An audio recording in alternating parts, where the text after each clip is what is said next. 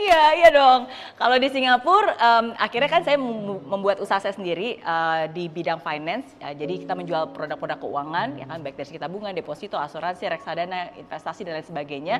Uh, di bidang jasa keuangan, finance. Kalau di Indonesia sekarang di bidang uh, inspirasi dan edukasi, gitu kan. Padahal backgroundnya adalah teknik elektro. Saya lulus sebagai sarjana teknik elektro, iya. Tukang listrik nih sebenarnya.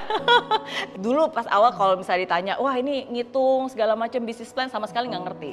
Tapi kalau ada kayak lampu rusak, setrika rusak, kasih saya, saya pasti bisa benerin ya. Serius ini nggak bohong ya. Itu emang emang salah satu cita-cita saya waktu kecil, emang pengen jadi insinyur elektro. Makanya saya kuliah ambil jurusan teknik elektro dan lulus sebagai sarjana teknik elektro.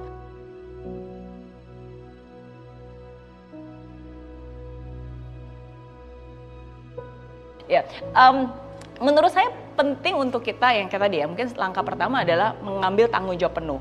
Potensi diri itu adanya di mana? Adanya di dalam atau di luar? Ya di dalam diri kan, di dalam diri kita sendiri. Nah, jadi kalau misalnya kita ingin mengeluarkan dan menemukan sisi potensi terbaik kita, ya kita harus fokusnya ke dalam, bukan keluar. Nah banyak orang kadang mereka nggak sadar gitu, mereka fokusnya kepada yang luar. Oke, maksudnya hal-hal yang sebenarnya itu di luar kendalinya mereka gitu. Nah, dan menurut saya ini yang tadi saya bilang, kenapa orang belum sukses kadang lebih mudah untuk menyalahkan. Um, jangan sampai terperangkap dengan ABC, ini saya sebutnya ABC. A yang pertama adalah angry, marah-marah, ya kan? Semua disalahkan, ya kan? Oh, kenapa sih ini begini, kenapa sih ini begitu, ya kan? Terus, terus yang kedua B, B-nya blaming, Oke, okay, jadi nggak cuma marah-marah, kesel kan? Kalau kesel kan harus ada yang disalahkan nih, salahnya siapa nih?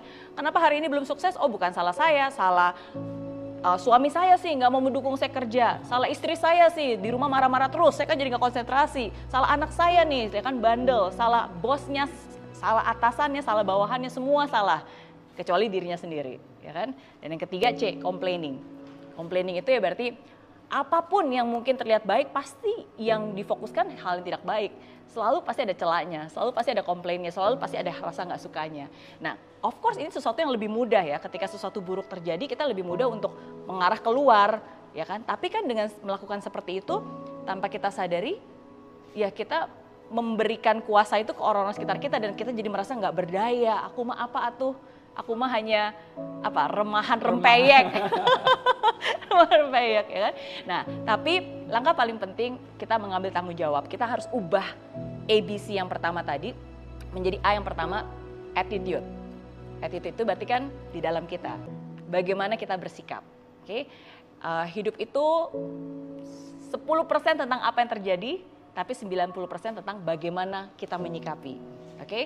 nah jadi di saat itu saya sadar, saya sadar ya, oke okay, kalau gitu kalau saya suka mengeluh, membanding-bandingkan, oke okay, nggak boleh, saya harus bisa lebih mensyukuri apa yang ada, melihat sisi baiknya. Jadi yang pertama attitude. Yang kedua B, B-nya itu adalah belief.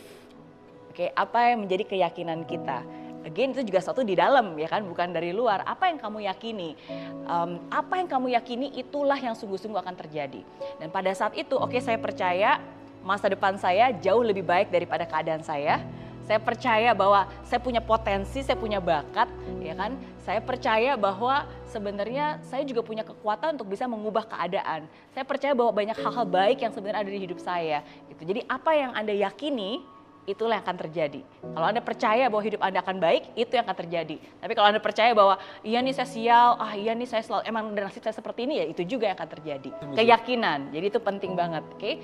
Itu B ya, belief. Lagi-lagi di dalam, ya kan? Dan yang ketiga, C. Nah, C-nya ini adalah choice, pilihan. Nah, ini penting karena sekali lagi saya bilang, mungkin di dalam hidup kita ada begitu banyak pertanyaan. Dan mungkin kita nggak tahu jawabannya tapi yang paling penting ingat kita selalu punya pilihan. Anda punya pilihan. Oke? Okay? Pada saat saya punya pilihan, pilihan mau give up or get up. Pilihan untuk menyerah dengan keadaan ya udah atau no, saya bangkit, saya coba sesuatu. Dan setiap kali kita mengalami obstacle atau tantangan pun kita selalu dihadapkan dengan pilihan. Mau apa nih? Mau mundur atau mau jalan terus? Mau berhenti atau mau ubah strategi gitu. Nah jadi pilihan itu sekali lagi dari diri kita. Nah, jadi itu biasanya tiga hal yang kalau saya reflect balik ini sungguh-sungguh benar-benar membentuk dan mengeluarkan sisi terbaik saya dan hanya dengan kita fokus kepada ke dalam dengan itulah ya potensi diri kita bisa terasah dan dan bisa apa bersinar.